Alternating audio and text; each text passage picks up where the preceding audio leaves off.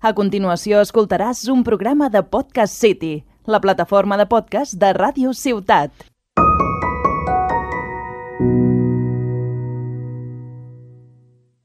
Ja fa dies que el papa i la mama ens van donar la gran notícia. Ho sentim, ens separem.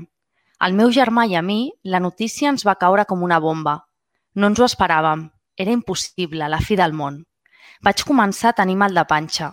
Tenia una sensació estranya a l'estómac. Tenia ganes de plorar. La meva família, casa meva i les meves coses són el més important del món. Em sento com si m'haguessin enredat. Ja no confio en res ni en ningú. Estic angoixat. Vull que tot torni a ser com abans. Tinc por i em sento molt sol. Diu la mama que hi ha dues menes de solitud, una és bona i calenteta com una abraçada, un lloc on ningú no et molesta.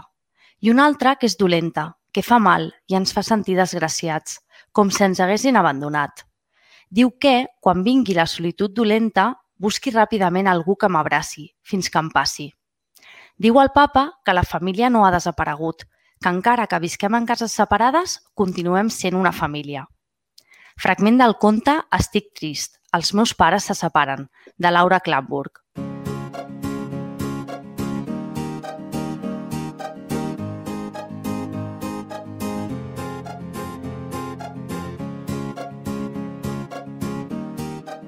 Les últimes dades publicades per l'Institut d'Estadística de Catalunya són de l'any 2019 i parlen de més de 7.300 divorcis amb fills menors d'edat.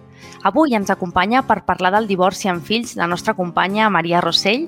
Ella és psicòloga clínica, terapeuta familiar i supervisora docent del postgrau que es realitza en el Centre de Teràpia Relacional i Familiar de Tarragona, del qual és codirectora des de l'any 1989. Benvinguda, Maria. Hola, buenos días. Eh, comencem, si et sembla, per com caldria comunicar la notícia de la separació dels fills, no? Amb quina, bueno, quina seria la millor forma de fer-ho?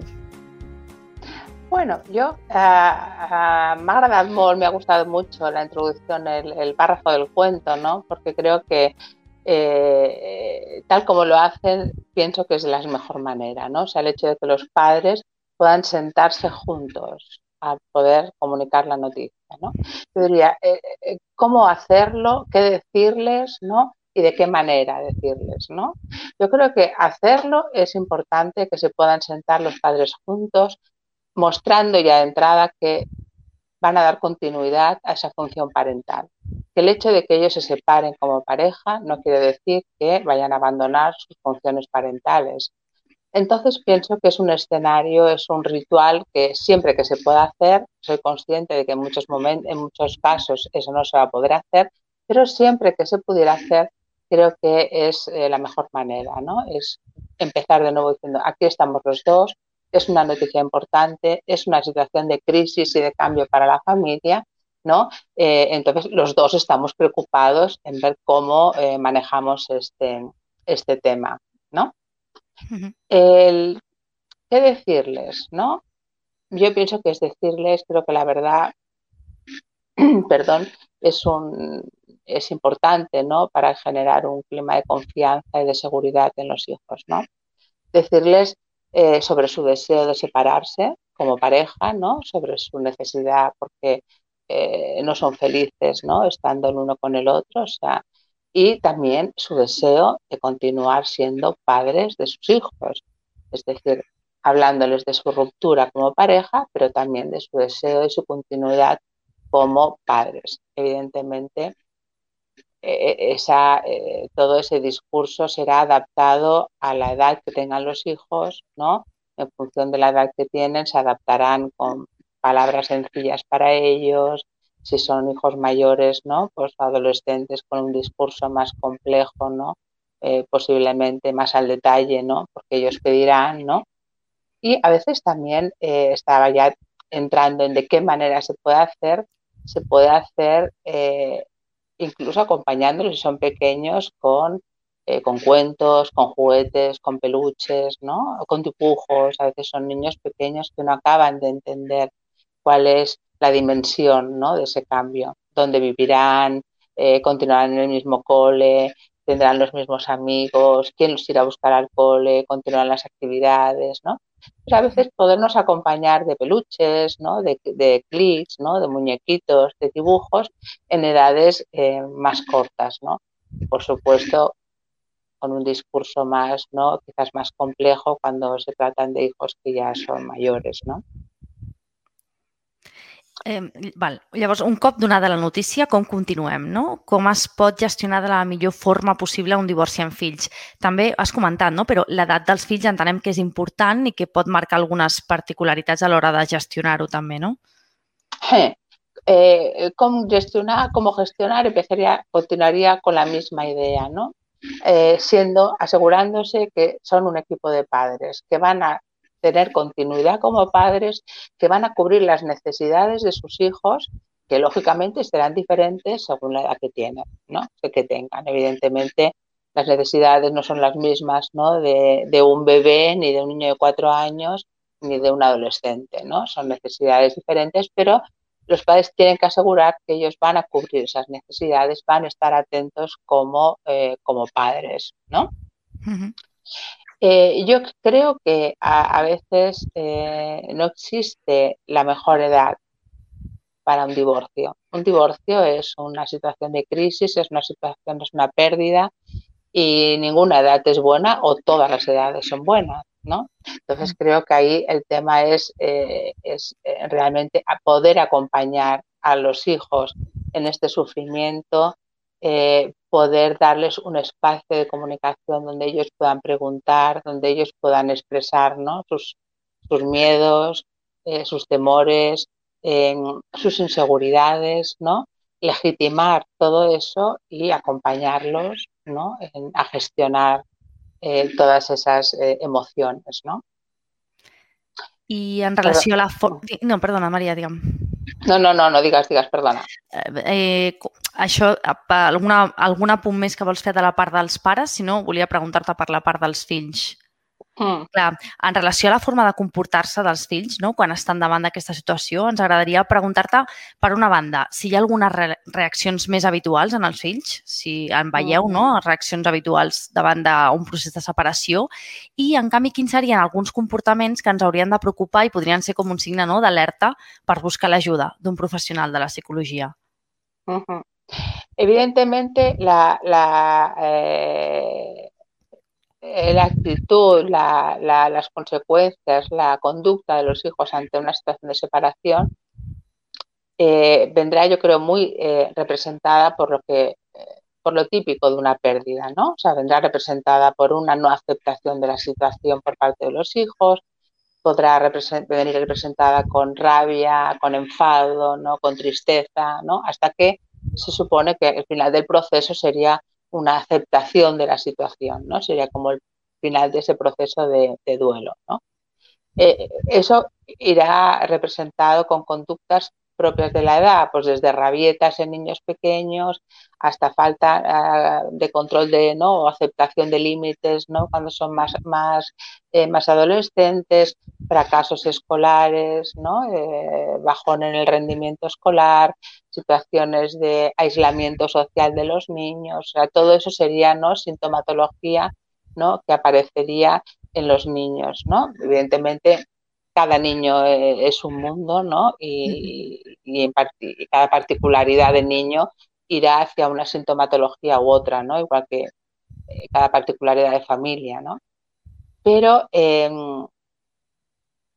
lo importante, ¿no? Eh, en, es poder acompañar todo eso, ¿no? Como, como, como poder acompañar todas, que surjan todas esas emociones, ¿no? Pero cuando hablamos, que tú me preguntabas cuándo tenemos que ¿no? alarmarnos, uh -huh. yo diría que básicamente tenemos que alarmarnos cuando esas conductas ¿no? que nosotras las vivimos, los padres como un poco extrañas, se alargan en el tiempo, ¿no? O sea, cuando eso perdura y se mantiene, ahí sería una señal de alarma, ¿no? Tendríamos que decir, bueno, ¿qué pasa, no? ¿Qué está pasando, no? Porque algo se está enquistando, ¿no? Uh -huh. eh, eh, esa sería, ¿no? Eh, para mí una de las de las señales de, de, alarma, ¿no? O bien cuando realmente empiezan a aparecer una sintomatología que nuestros, que los hijos no tenían, ¿no? Y que ¿no? Parece que nos están revelando que hay un sufrimiento, ¿no? Que algo está pasando. deberíamos consultar, ¿no? Podría ser motivo de ese cambio en, la familia, podrían ser otros motivos, pero sería un momento en que yo creo que los padres no deberíamos o deberían consultar. Seria també un signe d'alerta, ara pensant, no? el, el que el nen o, o l'adolescent no mostrés cap canvi en el seu comportament? O no? Evidente. Perquè no? hi ha pares que diuen, lo está llevando muy bien, ¿no? Perquè està, està bien, no, no. Això podria ser també algun un punt de dir, potser de consultar. Evidentemente, es, un, es una señal de alerta también, ¿no? Porque no, es, eh, no entraría dentro de lo normal, ¿no? normal como lo más frecuente, que eh, a un niño no le afecte ese cambio, ¿no? O sea, entraría en esa parte que he hablado antes de una no aceptación, ¿no? O sea, una negación de la situación, ¿no? Está viviendo ese niño como si nada hubiera ocurrido, ¿no? Sin permitirse conectar él con su tristeza, con sus miedos, ¿no? Con su sensación de abandono, con su sensación de inseguridad, ¿no? De qué va a pasar ahora. ¿no? Entonces es una manera de desconectarse y aquí no pasa nada, ¿no? También sería efectivamente, María, una senyal para alarmarse, no? Imagino que a diari us trobeu a consultar casos de separacions, no? Però quines mm. són les demandes més habituals que tracteu i quin paper creus que té el professional de la psicologia en un, en un procés de divorci, no? Per a què pot ser útil?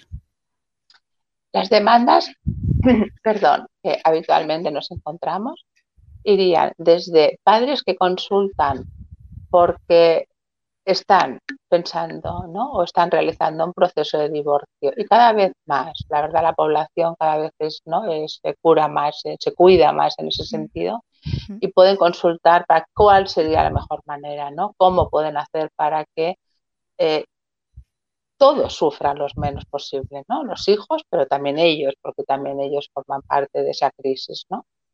Eh, hay otras situaciones en que son padres que piden ayuda porque alguno de los hijos, nos, hemos tenido bastantes, no quieren convivir con el otro, con el otro, con el otro padre. Situaciones donde se han generado una especie de, bandos, ¿no? Eh, y entonces ahí los hijos se posicionan al lado de uno del otro, entonces no quieren, ¿no? Entonces esas son consultas que también nos vienen como cómo podemos hacer para, ¿no? Eh, restablecer ¿no? la relación entre hijos y padres que, los hijos no quieren convivir con ellos. También hay demandas eh, de padres preocupados por una sintomatología que en principio podría ser, no sé, un fracaso escolar, eh, ¿no? unos ataques de ansiedad, que no lo relacionan en principio con el proceso de separación, pero que una vez en consulta, ¿no? cuando se empieza a explorar, ¿no? encontramos que realmente ¿no? es, una queja, es un sufrimiento del hijo ¿no? delante de esa situación de, crisis. ¿no? Y también jóvenes, también existen jóvenes, y no tan jóvenes, niños de a partir de 9, 10 años, que en muchas ocasiones piden a los padres el poder tener un espacio para poder hablar de lo que les está ocurriendo, ¿no? Porque a veces los hijos eh, bueno, en general, ¿no? Eh, protegen, ¿no? protegemos a los padres, ¿no? Cuando los hijos eh, se dan cuenta de que hay un sufrimiento, ¿no? En el ambiente, que los padres están sufriendo, la manera de proteger muchas veces es no hablar del tema, ¿no? Hacer ver que no pasa nada, ¿no? Entonces, a veces ellos también piden ¿no? un espacio para poder hablar de lo que no pueden hablar con ellos o alguien que les ayude a ver cómo lo puedan hablar, ¿no? para que les pueda ser eh, de ayuda. ¿no? Me preguntaba sobre el papel del profesional. ¿no? Yo creo que el papel del profesional es acompañar en, el proceso de divorcio, ¿no? Acompañar reconociendo el sufrimiento de todos los miembros de una familia, ¿no? Del que, del deja, del que es dejado y de los hijos, desde el mayor, que puede ser el que ocupe un papel más parentalizado, hasta el más pequeño, ¿no? que le cuesta entender qué está pasando. ¿no? Legitimar las emociones, eh, las confusiones que emergen de esa situación de crisis y trabajar con ellos para una buena gestión de las mismas, ¿no? que puedan emerger, que se puedan gestionar. También trabajar, identificar y generar recursos ¿no? para una reorganización de la familia que permita un crecimiento individual de todos los miembros de una forma gratificante, ¿no? Que hay un cambio de familia, hay un cambio de modelo, hay un cambio de dinámicas, ¿no?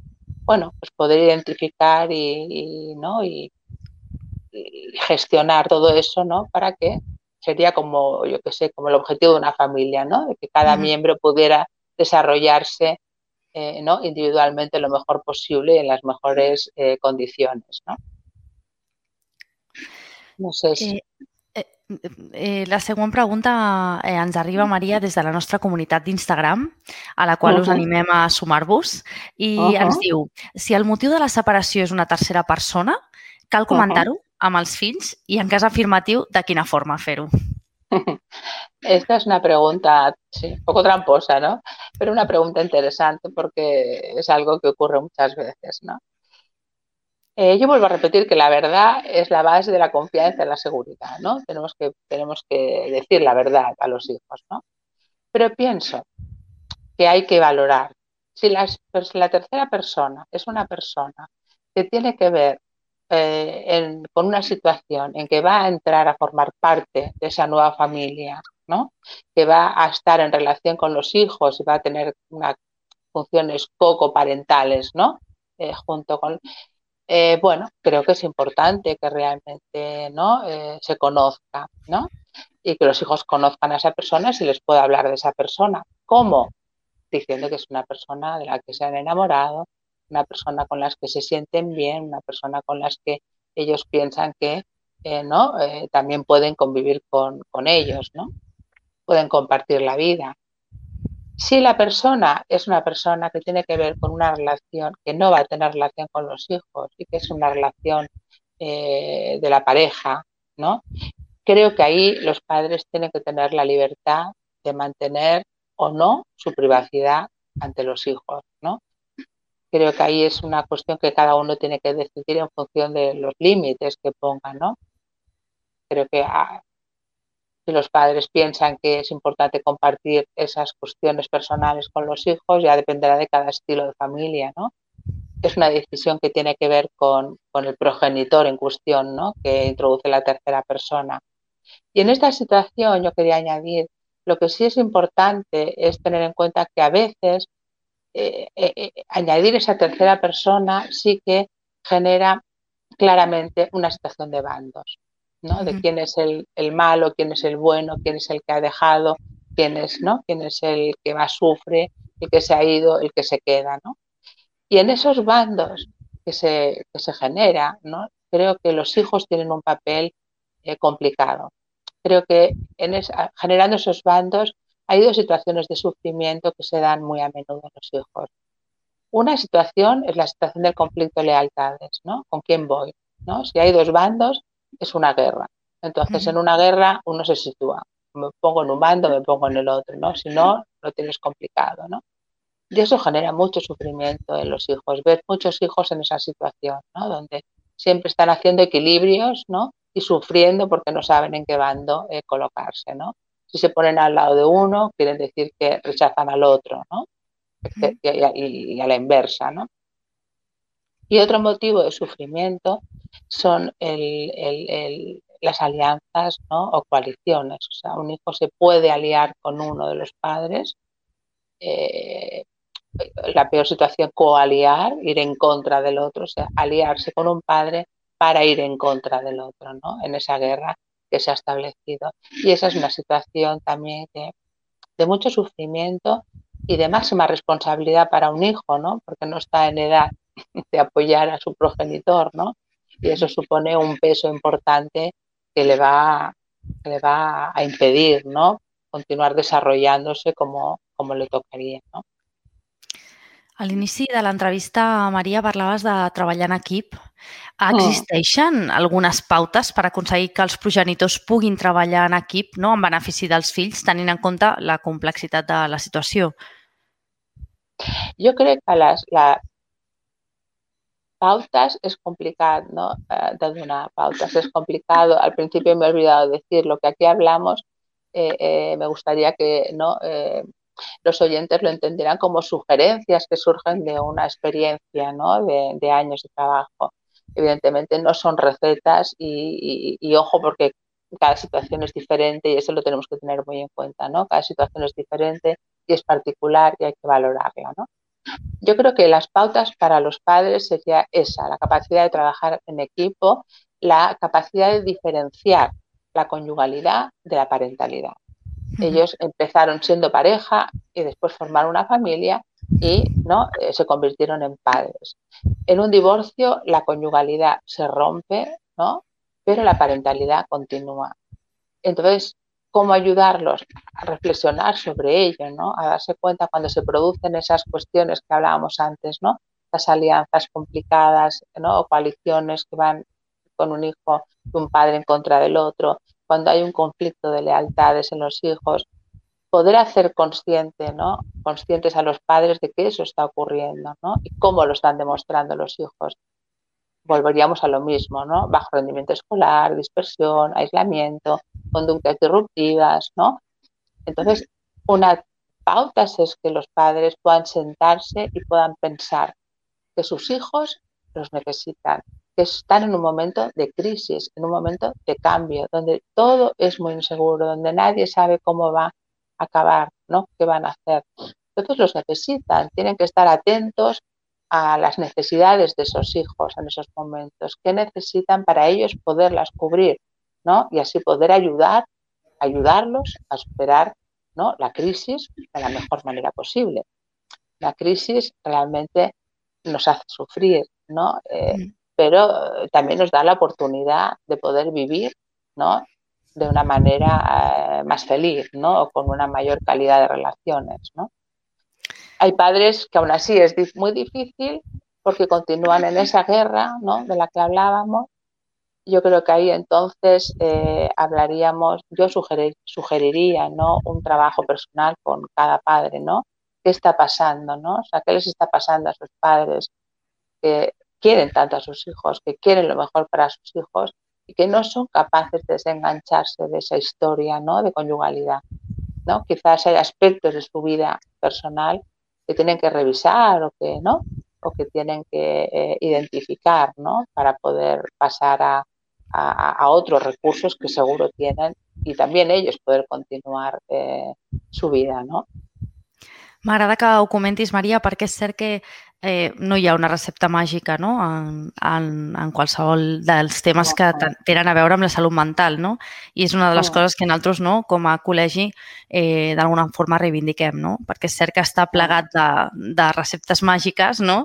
i hem de ser molt conscients de que això té una complexitat i que per això els professionals de la psicologia Exacte. us formeu molts anys i esteu cada dia no, formant-nos per, per poder acompanyar a tots aquests Exacte. processos. Mm. Ojalá tuviéramos una varita màgica, no? I sí. hacer plin, no? Sí. Parlem ara, si et sembla, de l'autoestima dels fills, Maria.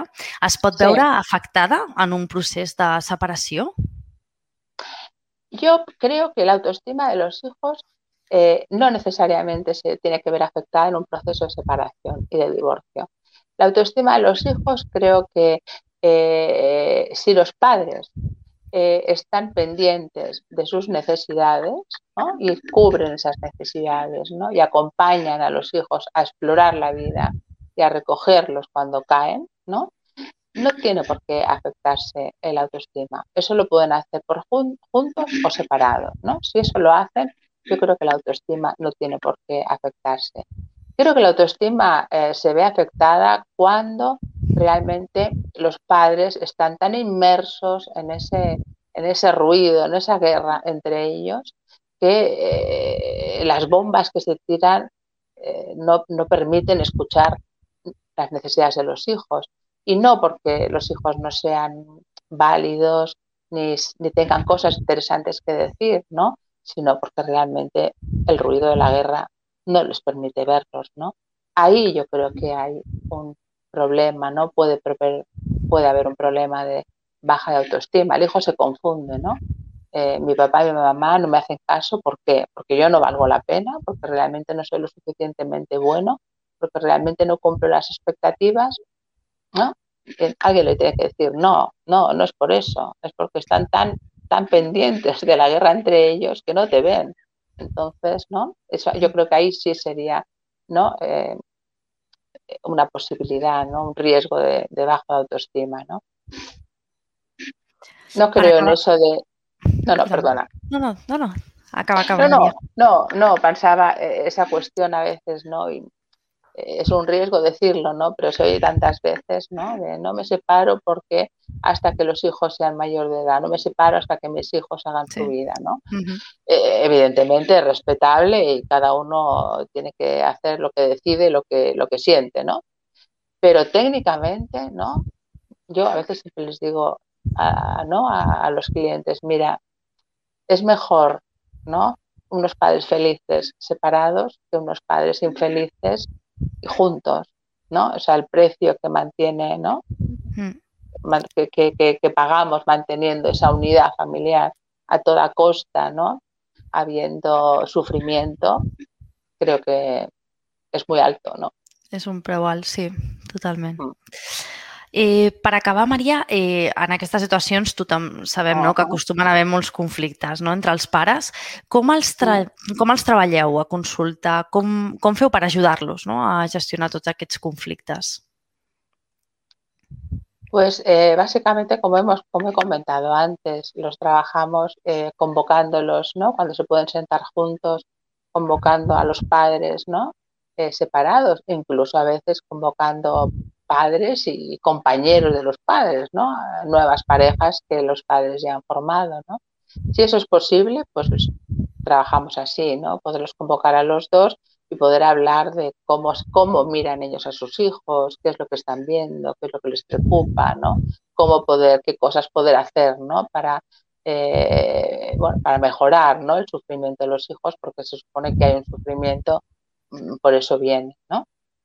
Es la manera eh, que intentamos hacerlo, ¿no? O sea, intentar hacer, construir, tejer una nueva relación entre los padres que tiene que estar basada en la parentalidad, ¿no? Y no en, lo que están acostumbrados, que es parentalidad y conyugalidad, ¿no? Hacer esa separación. Eh, así los ayudamos. Cuando pueden venir juntos, perfecto. Cuando pueden venir por separado, porque no pueden sentarse, pues lo hacemos también, ¿no? O sea, hay padres que viene la madre o viene el padre por separado para intentar entender ¿no? cómo puede posicionarse en esa nueva situación, ¿no? Y como hablaba antes, quizás eso deriva al, final en un trabajo personal de por qué me está costando tanto, ¿no? Eh, eh, poder mirar de otra manera, ¿no? Poder colocarme de otra manera, ¿no? Un poco en esa línea, María. Hi ha alguna cosa més, no sé, Maria, que t'agradaria comentar per acabar aquest espai? Mira, hay algo que, eh, que yo recuerdo de los, eh, bueno, ya tengo una cierta edad y entonces he conocido a niños que han venido en un momento, ¿no? De, de divorcio de los padres y que después, eh, ¿no? Eh, con los años han venido por otro tema ellos individual, ¿no? Y cuando, y siempre me ha hecho mucha gracia porque los niños me acaban diciendo, ¿no? Fíjate, ¿te acuerdas cuando era pequeño, ¿no? Que pensaba que lo pasaba tan mal porque mis padres, a lo mejor han pasado ya 10 años o 12 años, ¿no? Los padres ya han rehecho su vida y eh, me acaban diciendo, ¿sabes qué? Que ahora pienso que la verdad es que es un chollo, ¿no? Porque en realidad he conocido gente nueva, he sumado, ¿no? O sea, he sumado a personas en mi vida que, ¿no? que se preocupan por mí ¿no? y que puedo contar con ellas. ¿no? Y ya dicen, son adolescentes, dicen, mira, cuando ya me rayo de estar en casa de uno, tengo la oportunidad de poderme ir a la casa del otro, ¿no? Eso es un poco, ¿no? Es ver el lado positivo, no el lado bueno exacto, de las cosas. Es como, un, ¿no? como una nota de humor, pero decir, pues sí, ¿no? A veces es verdad que se pierde cuando cuando hay un divorcio, pero también es verdad que la vida también se suman otras cosas, ¿no? Se van sumando cosas. Doncs sí, Maria, moltes gràcies per acompanyar-nos avui i ajudar-nos no, a entendre que és possible separar-se preservant la salut mental dels fills. Gràcies, Maria. A vosotros por la confianza. Muchísimas gracias. Que paséis un buen día. I gràcies a tu per acompanyar-nos un dia més. T'esperem al proper episodi de La Finestra de la Psicologia, el podcast de la Delegació Territorial de Tarragona del Col·legi Oficial de Psicologia de Catalunya.